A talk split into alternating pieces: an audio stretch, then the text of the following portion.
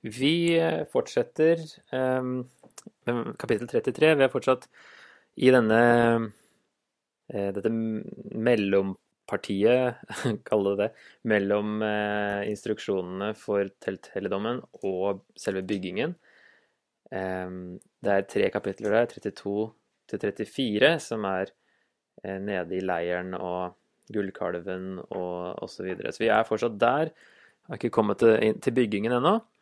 Og et, rart avsnitt. I 33.7 så står det Moses pleide å ta teltet og slå det opp et godt stykke utenfor leiren. Han kalte det telthelligdommen. Alle som ville søke råd hos Herren, gikk ut til dette teltet utenfor leiren. Hver gang Moses gikk ut til teltet, reiste hele folket seg og ble stående hver ved inngangen til sitt telt. De så etter Moses til han var kommet inn i teltet. Og når Moses var kommet inn i teltet, senket skysøylen seg og ble stående ved inngangen til teltet, og han snakket med Moses. Når folket så skysøylen stå ved inngangen til teltet, reiste de seg alle sammen, bøyde seg og tilba, hver ved sin teltdør. Så talte Herren med Moses ansikt til ansikt, slik som mennesker snakker med hverandre.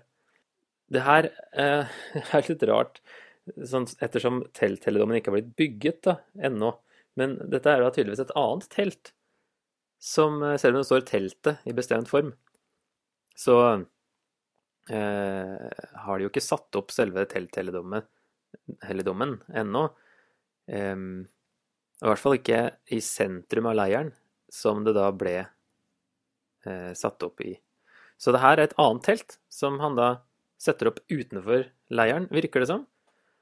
Og han pleide å gjøre det. Altså det, det, det går en lang eh, stund, egentlig, her. Som en slags erstatning for det teltet som de ikke Ja, som kanskje akkurat nå i historien ser ut til at det ikke kommer til å bli bygget. Men her kan i hvert fall Moses ha fellesskap med Gud. Det står faktisk på hebraisk så står det at um, han satte det opp uh, for seg, står det egentlig. Det er et lite pronomen der som ikke har blitt med i mange oversettelser. Sånn at det ser ut som det er et telt som Moses setter opp uh, mest for seg, sjøl. Og borte fra folket, da. Men likevel så kunne alle som ville søke råd hos Herren, står det, kunne komme ut eh, til teltet. Og både her og slutten av eh, kapittel 34, i vers 34, så står det også Eh, hver gang han gikk fram for Herrens ansikt eh, for å snakke med ham, tok han sløret bort til, til han skulle ut igjen. Og når han kom ut, talte han til israelittene det han hadde fått påbud om. At det òg skjedde mange ganger. Så vi har to vers her som i hvert fall nevner at eh, nå gikk det en lang stund.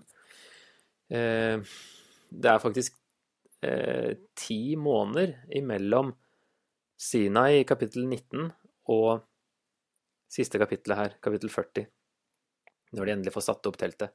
Så er det ti måneder. Så er, plutselig så går det en stund. Um, poenget er kanskje å gjøre det litt spennende hva som skjer etter kapittel 32. Det var såpass alvorlig at nesten alt gikk i dass. Og vi må bare på en måte uh, sitte Eller folket da, må stå stille og vente og se nærmest hva Gud bestemmer seg for. Uh, eller trengtes i hvert fall det ser ut som det liksom, vi trengte litt tid på å gå seg til igjen. da. Eh, så Gud har ikke forlatt dem helt. Og de håper tålmodig, de må kanskje vise det ordentlig, at de ønsker at han skal komme tilbake til dem. At de virkelig angra og ønska den relasjonen.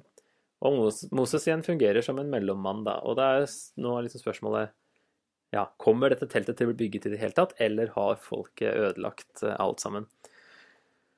Og her, når det står at han snakka i vers 11, så talte Herren med Moses ansikt til ansikt, så står det jo i neste kapittel at eh, Eller neste avsnitt, faktisk, at eh, Gud sier at du kan ikke få se ansiktet mitt, i vers 20.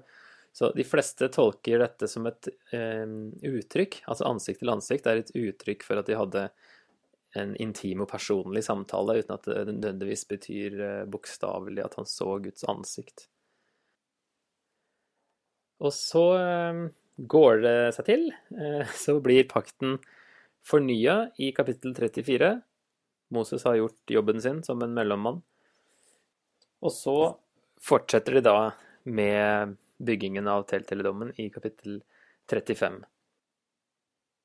Og da ser vi at eh, det starter da Eller egentlig kan vi si at dette mellomspillet eh, ender med eh, noen vers om sabbaten i, vers, i kapittel 35.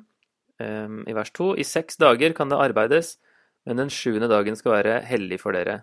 Den skal være en sabbat, en hviledag for Herren.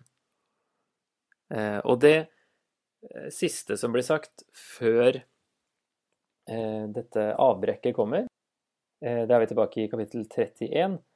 Det er det altså, siste Gud gir oppe på fjellet der som en instruksjon. Det er at det er sabbaten. At de skal ikke jobbe den sjuende dagen. Så kapittel 32 til 34 um, rammes inn på en måte av sabbaten. Uh, og det kan være at det faktisk betyr at uh, historien um, fortsetter der den slapp. At denne, denne episoden imellom her er tilgitt og forglemt, eh, for, og glemt. Og at det da, når det starter, historien starter igjen med byggingen i kapittel 35, eh, så henter den inn igjen slutten av 31. Sånn at eh, 32 til 34 er eh, tilgitt og glemt. Og vers 2 i, vers, i kapittel 35 er nesten likt eh, vers 15 i eh, kapittel 31, der det står i seks dager kan det gjøres arbeid, men den sjuende dagen skal være en sabbat, en hellig hviledag for Herren.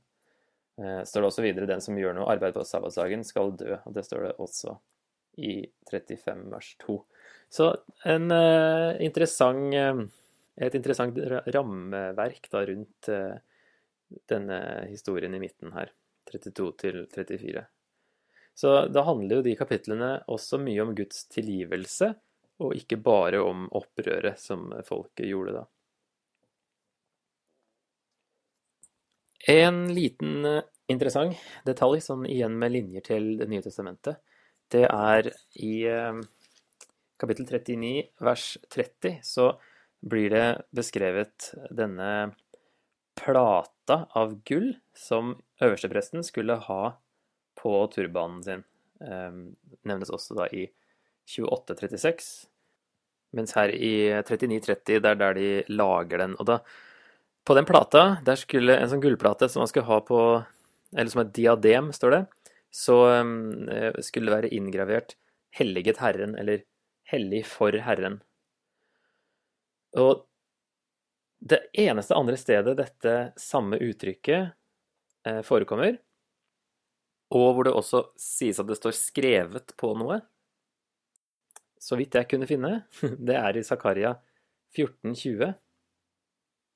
Og Zakaria 14 eh, Ja, fra vers 8 så snakkes det da om eh, disse elvene som skal komme i endetiden.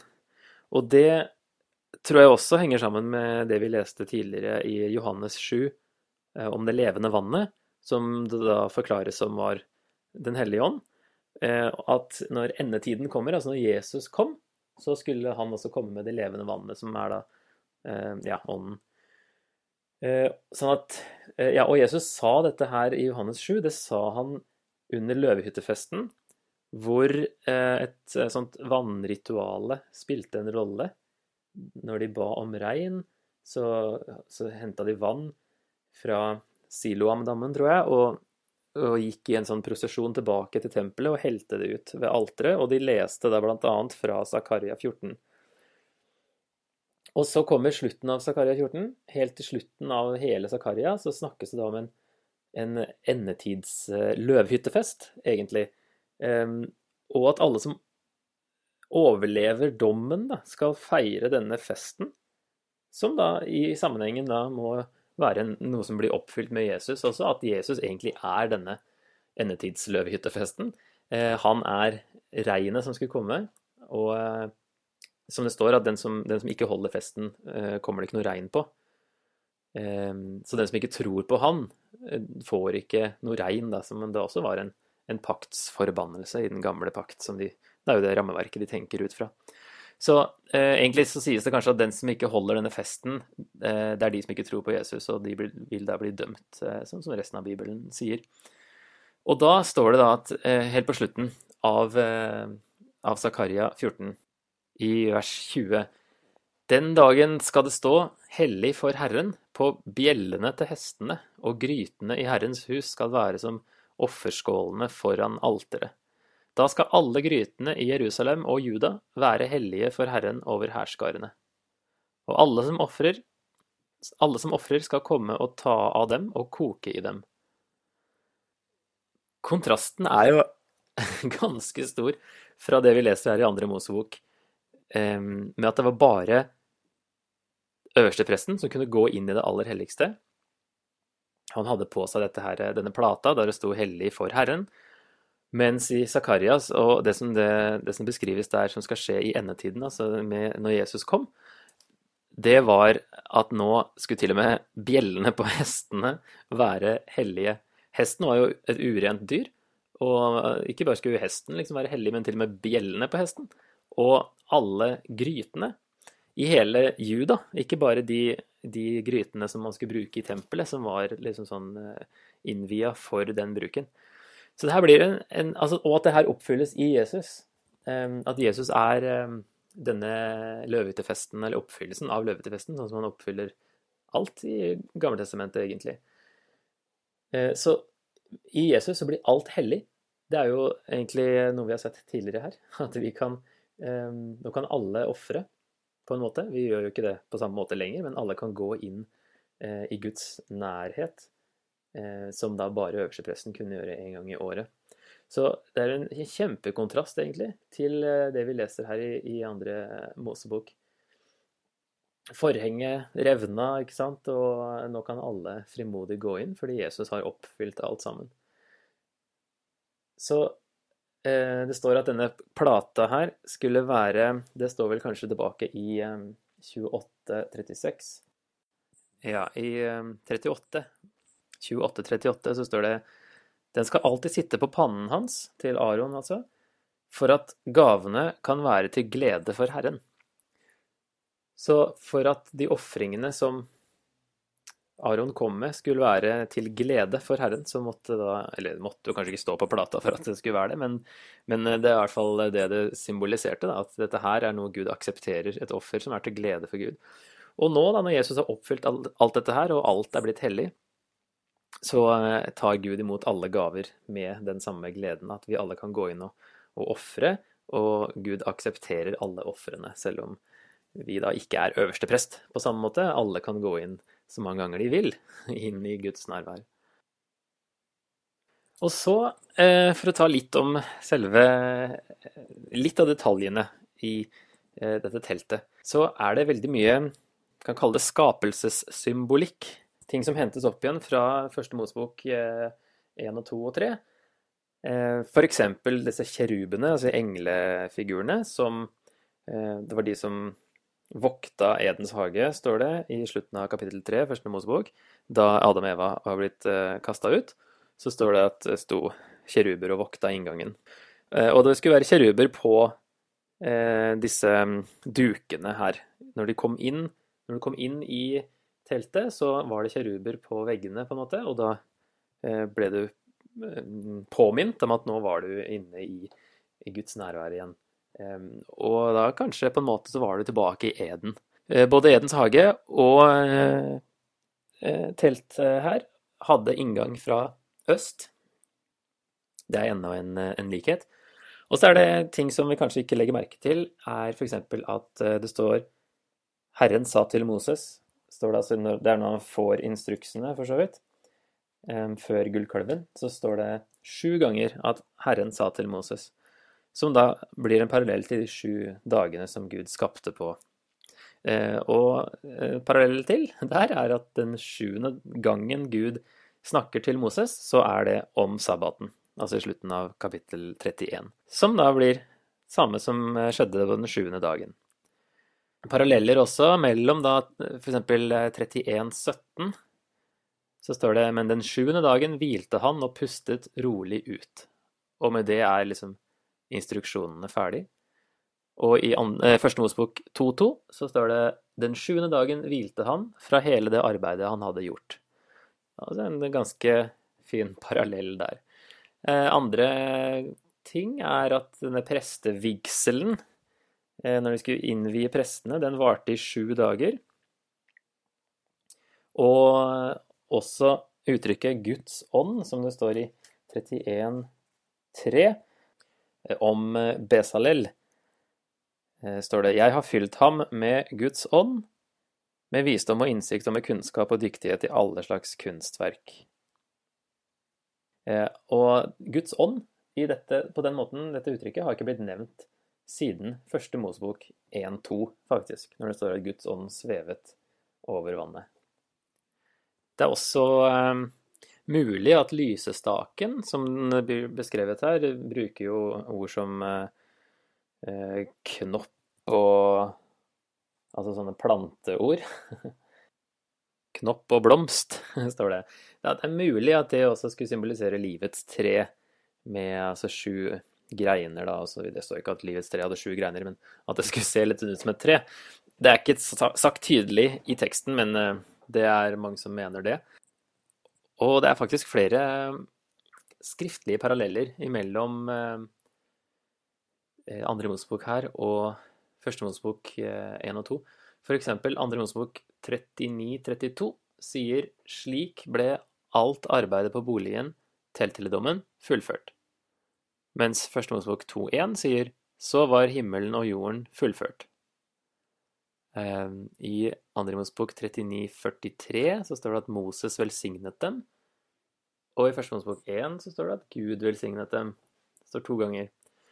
Og andre Mosebok 39,43, samme vers en gang til, altså, står det Moses så på alt det som var gjort, og se, de hadde gjort det slik Herren hadde befalt. Og i første Mosebok 1,31 så står det Gud så på alt det han hadde gjort, og se, det var svært godt. Eh, og i andre Mosebok 40, 33 står det slik fullførte Moses arbeidet. Og første Mosebok 2.2 den sjuende dagen fullførte Gud det arbeidet han hadde gjort. Der ligner det også veldig, bare litt flere ord da i den første Mosebok. Så hva er poenget med disse parallellene? Det må jo eh, kanskje være at Gud skaper noe nytt her. Nå er det en, ja, en nyskapning. Han skaper noe for andre gang. Nå skaper han et folk som han vil bruke til å fikse det som ble ødelagt med Adam. Og han gjør det mulig å ha fellesskap med ham igjen, og han vil bo blant dem igjen. Så uh, det her uh, er mye mer enn et telt. Det er altså en ny skapning og en, en del en bit av himmelen uh, på jorda, som sagt. Og da kommer vi til klimakset for andre Mosebok i kapittel 40 det siste avsnittet fra vers 34, så står det at så dekket skyen telthelligdommen, og Herrens herlighet fylte boligen. Moses kunne ikke gå inn i telthelligdommen, fordi skyen hadde tatt bolig over den, og Herrens herlighet fylte boligen. Her kunne ikke Moses gå inn, og det er jo da det som da Tredje Mosbok overtar nå i neste avsnitt, egentlig. Det går ganske sånn sømløst over i Tredje Mosbok. Gud eh, Eh, roper på Moses, står det, og talte til ham fra telttelledommen. Og det er jo det neste som skjer. Etter at Gud har flytta inn, så roper han til Moses, og så får Moses flere lover i tredje Mosebok om hvordan de da skulle utføre ofringene. Men her kan ikke Moses gå inn, fordi Gud hadde flytta inn, og Gud var hellig, og det var ikke ennå da eh, Moses kunne ikke bare gå inn, han heller, selv om han hadde et nært forhold til Gud. Så var Gud Eh, for nær, egentlig, til at Moses, selv Moses kunne gå inn. Og det som er interessant, er hvis du følger utover i Bibelen dette her, denne eh, skyen som symboliserer da Guds nærvær her. For den eh, kommer igjen når de innvier tempelet, når Salomo innvier tempelet. Så fyller skyen Herrens hus, står det. Prestene kunne ikke stå og gjøre tjeneste på grunn av skyen, for Herrens herlighet fylte tempelet. Og der skjer det samme igjen når de innvier da tempelet Når Salomo gjør det. Det er jo eh, en 500 år senere. Så, men så kommer Guds nærvær igjen og flytter inn på samme måte. Og så, eh, nesten 400 år etter Salomo igjen, så ser Esekiel en visjon faktisk faktisk at, eh, om at Guds herlighet forlater tempelet pga. folkets eh, ugudelighet, og de har til og med ofra til avguder inne i tempelet han ser at uh, herligheten trekker seg mer og mer ut og forsvinner til slutt. Um, og hvis, det står egentlig ikke hvor det ble av, denne herligheten. Og noen få år etterpå så blir tempelet ødelagt av babylonerne og folket tatt i eksil. Og Esekiel ser da senere i, en senere visjon at tempelet vil bli bygget opp igjen. Det er egentlig de siste ni kapitlene, som også er mange sånne kapitler med beskrivelser av eh, tempel. Eh, og da ser han også at Guds herlighet vil komme tilbake. I 43, eh, 2-5, så står det Herligheten til Israels Gud kom fra øst med et drønn som av store vannmasser, og jorden strålte av hans herlighet. Det synet jeg fikk se, lignet synet jeg hadde da han kom for å ødelegge byen, og det jeg hadde ved Kebar-elven. Jeg kastet meg ned med ansiktet mot jorden, og Herrens herlighet kom til tempelet gjennom den porten som vender mot øst. Da løftet ånden meg opp og førte meg til den indre foregården, og se, Herrens herlighet fylte tempelet. Så det Ja, det skal komme tilbake. Guds, eh, Guds, nærvær og herlighet skal komme tilbake til tempelet. Så når de bygger opp igjen tempelet i boka i Estra, så leser vi om det. Um, og da har også i den uh, konteksten så kommer Haggai med sine profetier, der han bl.a. sier da i 2.9 dette nye huset skal bli herligere enn det første, sier Herren over hærskarene. Så de bygger dette huset med store forventninger, sikkert, og de innvier det med glede, står det. Men så står det ingenting om skyen. At Guds herlighet fylte eh, dette tempelet. Eh, eh ja, slik det hadde gjort med det forrige tempelet, og med telthelligdommen.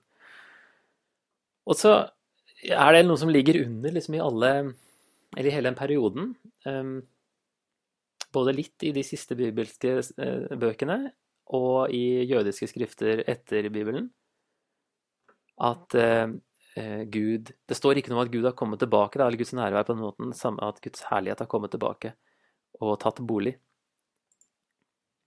Så da går det nye 500 år, og de går på en måte og venter litt på at det skal skje. Og så skjer det jo, men på en veldig overraskende måte, selvfølgelig, da det står i Johannes 1, 14 at ordet ble menneske og tok bolig iblant oss. Og som vi var inne på i introduksjonen, så betyr dette ordet og eh, tok bolig iblant oss, det betyr egentlig slo opp sitt telt iblant oss. Og at Gud da på nytt slår opp et telt blant menneskene, sånn som han gjør her i andre Mosebok. Og så står det videre i samme verset at eh, vi så hans herlighet, så her har vi Guds herlighet som kommer da i Jesus, i et menneske. En herlighet som den enbårne sønn har fra sin far, full av nåde og sannhet.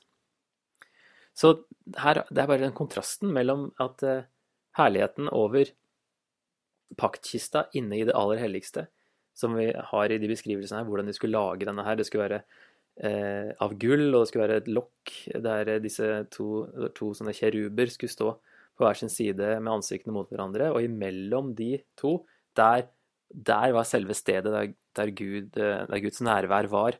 Og inn der kunne jo bare øverstepresten gå én gang i året. Én person én gang i året.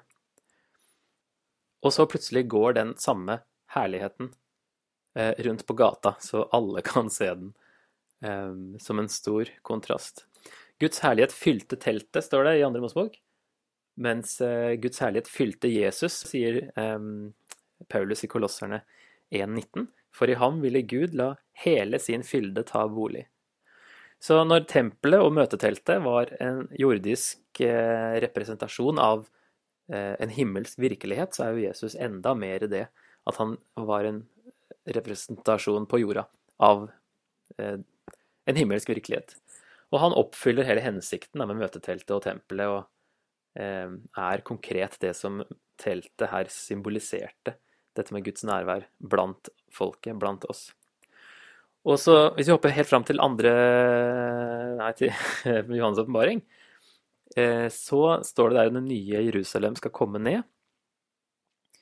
Eh, og det Og Gud skal bo iblant folket sitt igjen, står det. Og det nye Jerusalem har da form som en kube.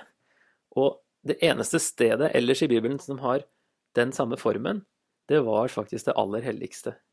Det innerste rommet i teltet og i tempelet var, hadde da en kubeform, altså like langt og bredt og høyt. Og i åpenbaringen 21, vers 22 og 23 så står det at eh, noe tempel så jeg ikke i byen, for Herren Gud, den allmektige, og lammet er dens tempel. Og byen trenger ikke lys fra sol eller måne, for Guds herlighet lyser over den, og lammet er dens lys. Så her, tempelet er oppfylt, det trengs ikke noe tempel, fordi Gud bor nå blant folket. Og hans herlighet er hele lyset, så sola trengs ikke engang. Så her har virkelig alt blitt oppfylt. Eh, at Gud bor blant sitt folk igjen til slutt i eh, Johans åpenbaring. Og da er på en måte ringen slutta tilbake igjen sånn det var i første Mosebok tre da, før syndefallet. Da menneskene Da Gud vandra i hagen eh, sammen med menneskene. Men så er jo også veldig interessant nå i mellomtida, mellom Jesus og den nye Jerusalem, hvor bor Gud nå? Altså hvor på jorda bor Gud nå, ettersom han bor jo alltid i himmelen, men hva er det som er den jordiske representasjonen nå? Og da sier jo Paulus i 1. Korinter 3, 16 og 17.: Vet dere ikke at dere er Guds tempel, at Guds ånd bor i dere? Guds tempel er hellig, og dette tempelet er dere. Så det er samme Altså, det er, det er helt vilt at den samme Gud som hadde sitt nærvær i eh, denne skya, i telthelligdommen og i tempelet, som gjorde at prestene og Moses ikke kunne gå inn når de ville, Um, at de trengte alle de lovene for å, å, regulere denne helligheten, på en måte. At det var så ekstremt viktig at de fulgte alle, alle eh, lovene, ellers så ble det for voldsomt, egentlig, å være nær Gud. Den samme Gud bor nå i menigheten. Alle kristne utgjør Guds bolig, og at dette tempelet, denne boligen, er hellig. Og så blir det bare enda villere når i 1. Korinter 6, 19, så sier Paulus da at Vet dere ikke at kroppen deres er et tempel for Den hellige ånd, som bor i dere? Så det her, faktisk Guds bolig er også i den som tror, individuelt. Det er nesten så det blir eh, litt sånn mind-blowing, hvis vi tenker over det. At den samme hellige Gud som vi har lest om i andre Mosebok her, han bor faktisk inni oss. Um, og at han ikke da bare sitter i himmelen og ser ned på oss, men at han faktisk bor inni oss. Og det i det minste, spesielt i lys av de uh, historiene som viser virkelig Guds hellighet og hans uh, reaksjon uh, på synd, så burde det her virkelig være en motivasjon for å leve hellig. I tredje Mosebok så kommer det sier Gud eh, flere ganger at dere skal være hellige, for jeg er hellig. Og det hentes opp igjen av Peter i, i 1. Peter 1, da han sier at eh, som lydige barn skal dere ikke lenger la dere lede av de lystne dere fulgte den gang dere levde i uvitenhet. Han som kalte dere, er hellig, slik skal også dere være hellige i all deres ferd. For det står skrevet, dere skal være hellige, for jeg er hellig. Så da, hellig betyr jo da egentlig adskilt. Så det å leve adskilt fra verden betyr jo egentlig bare å leve etter Guds vilje, men det er det vi er kalt til. Eh, og med det i bakhodet, eller foran øynene våre, at Gud faktisk bor i oss, og den samme hellige Gud som du blir litt skremt av når du leser i Gamle testamentet, han bor inni oss.